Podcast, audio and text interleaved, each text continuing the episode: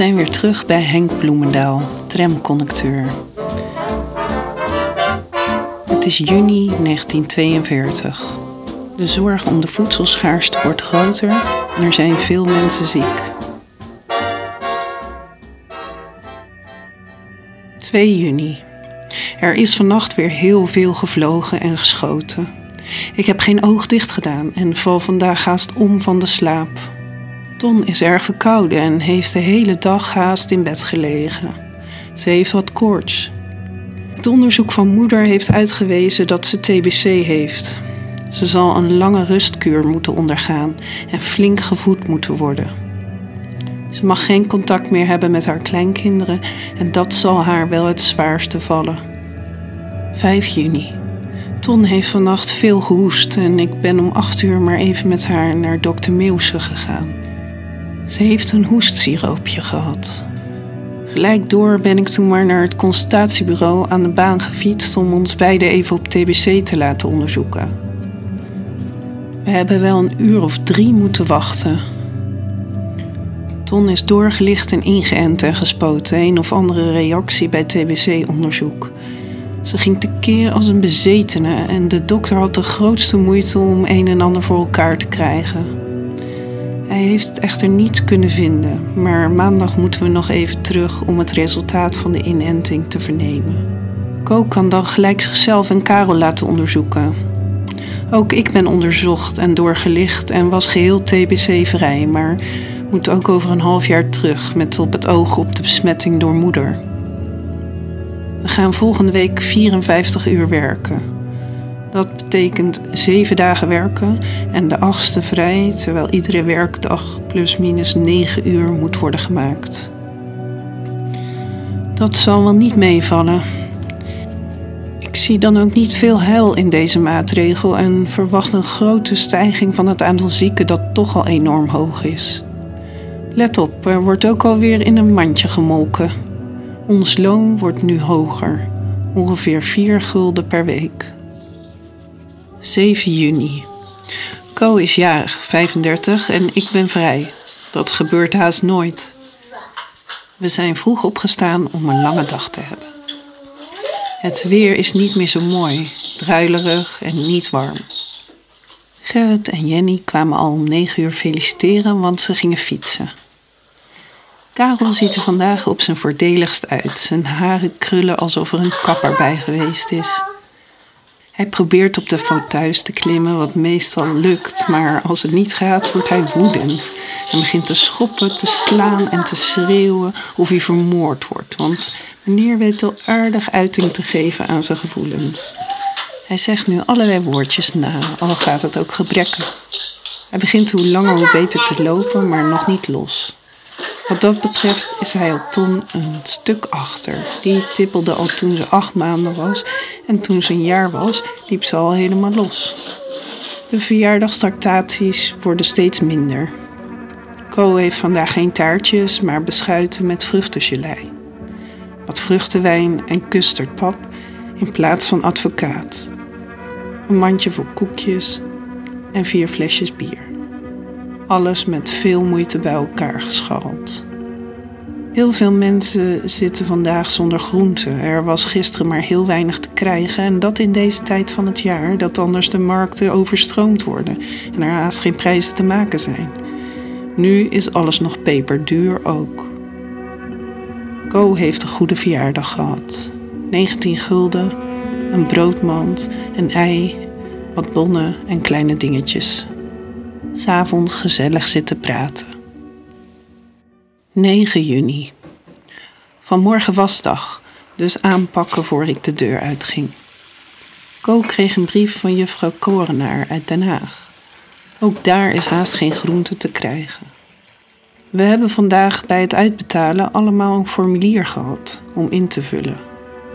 Aan de aard der vragen is te bemerken dat het een enquête is om de meest geschikte te vinden voor uitzending naar Duitsland.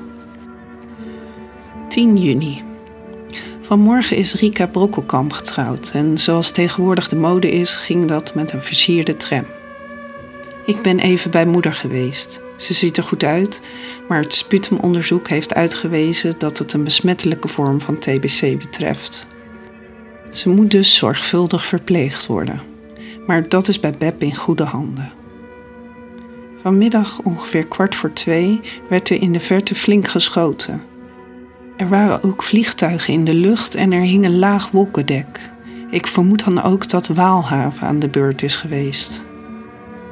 We zijn met z'n allen naar het consultatiebureau geweest en moesten erg lang wachten. Karel zijn prikken zijn nagezien, dat was in orde. Maar Co moet over een week of zeven terugkomen, want ze had een vastzittend koudje te pakken. Vanavond is Co nog even naar de KK gegaan. We hebben een fijne rieten leunstoel gekocht, maar hij wordt pas over een maand of drie geleverd. Vanmiddag een atlasje gekocht voor 95 cent. Dan kan ik weer eens zien hoe de Koude Oorlog zich ontwikkelt. 17 juni. Vandaag heeft Co weer zonder zeep gewassen. Ze heeft nu al 19 zeepbonnen bij een winkelier ingeleverd zonder er iets op te ontvangen. Hoe ons ondergoed enzovoorts eruit ziet na een maand of drie alleen maar in heet water te zijn uitgespoeld, laat zich denken. We verwaarlozen steeds meer. Nog een klein poosje en het geciviliseerde Nederland is een verwilderde volkstam. Karel heeft vanmorgen weer eens een strombad genomen. Ik was alleen met hem thuis en heb wel een half uur gesjouwd om hem en mezelf weer schoon te krijgen. Ik heb de nieuwe dienst van lijn 10 in mijn vingers gehad. Natuurlijk is het niet veel moois, maar zo op het eerste gezicht had het toch erger gekund. Meer dan vijf ritten per dag, ongeveer 9 uur, komen er niet in voor. Daartegenover slechts één of twee van vier ritten. En fan, we zullen wel zien wat het wordt. Het aantal zieken begint al te stijgen en is weer boven de 200 gestegen. 18 juni. Vanmorgen ben ik een poosje bij moeder geweest. Ze ziet er vrij goed uit. Het is nog steeds koud, guur weer. Alleen vanmiddag was de temperatuur wat hoger, maar vanavond was het weer mis. Gemeen koud met een motregentje. Het eten aan het eindpunt gaat heel aardig, alleen is de kwaliteit af en toe erbarmelijk slecht. Er wordt niet de minste zorg aan besteed. Volgende week zijn er geen aardappels. De nieuwe bon wordt pas zaterdagavond bekendgemaakt, terwijl er slechts 1 kilo per bon zal worden verstrekt. Dat betekent zondag geen aardappels en voor de rest van de week één grote aardappel per persoon per dag en voor de kinderen één klein aardappeltje. Mogen we hier van hongersnood spreken? Ter compensatie krijgen we een halve pond gort. Dat is ongeveer 35 gram per dag. Daar mogen we dan ons leven nog wat op rekken. Het wordt steeds krankzinniger. 20 maart heb ik opgeschreven wat we per dag te eten kregen omdat het zo weinig was. Het is in die tijd steeds verminderd. Voor de volgende week krijgen we per dag ongeveer 270 gram brood en bloem, 150 gram aardappels, 25 gram boter en vet, 25 gram vlees, 25 gram peulvruchten, 30 gram meelspijs, 35 gram suiker, 20 gram kaas, 20 gram stroop, een halve liter karnemelk of ook wel eens niets. Groenten moeten de meeste mensen bij de tuinders buiten de stad gaan halen, clandestien. Want de meeste groentewinkels hebben niets te verkopen. 21 juni. Het is weer prachtig weer vandaag, maar ik had een rotdienst en het was idioot druk. 67 gulden heb ik opgereden in vier ritten op de bijwagen.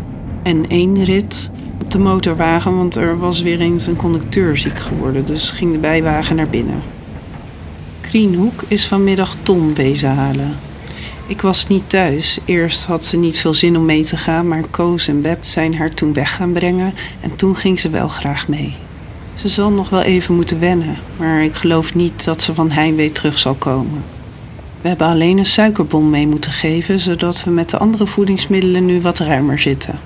Het zal van de week echter toch een hele dobber worden zonder aardappelen. Om half vier is Ton de deur uitgegaan en om kwart over zeven met de stoomtrein mee. Ik heb zo'n idee dat wij haar harder missen dan zij ons. Want het was al direct vreemd stil in huis. Ze moet er echter van groeien, want ze mag best eens wat dikker worden. 25 juni. Vanmorgen kregen we een brief van Krien Hoek. Tom maakt het best. Ze heeft helemaal geen heimwee en ze is erg vrolijk. Dat zal daar wel in orde komen. Wij beginnen er ook al een beetje aan te wennen. Vanmiddag zijn we even bij moeder geweest, want we hebben er vandaag ons gemak van genomen.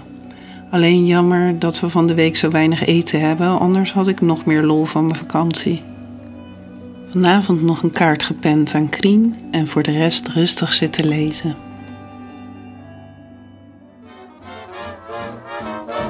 Benieuwd naar meer achtergronden bij dit verhaal?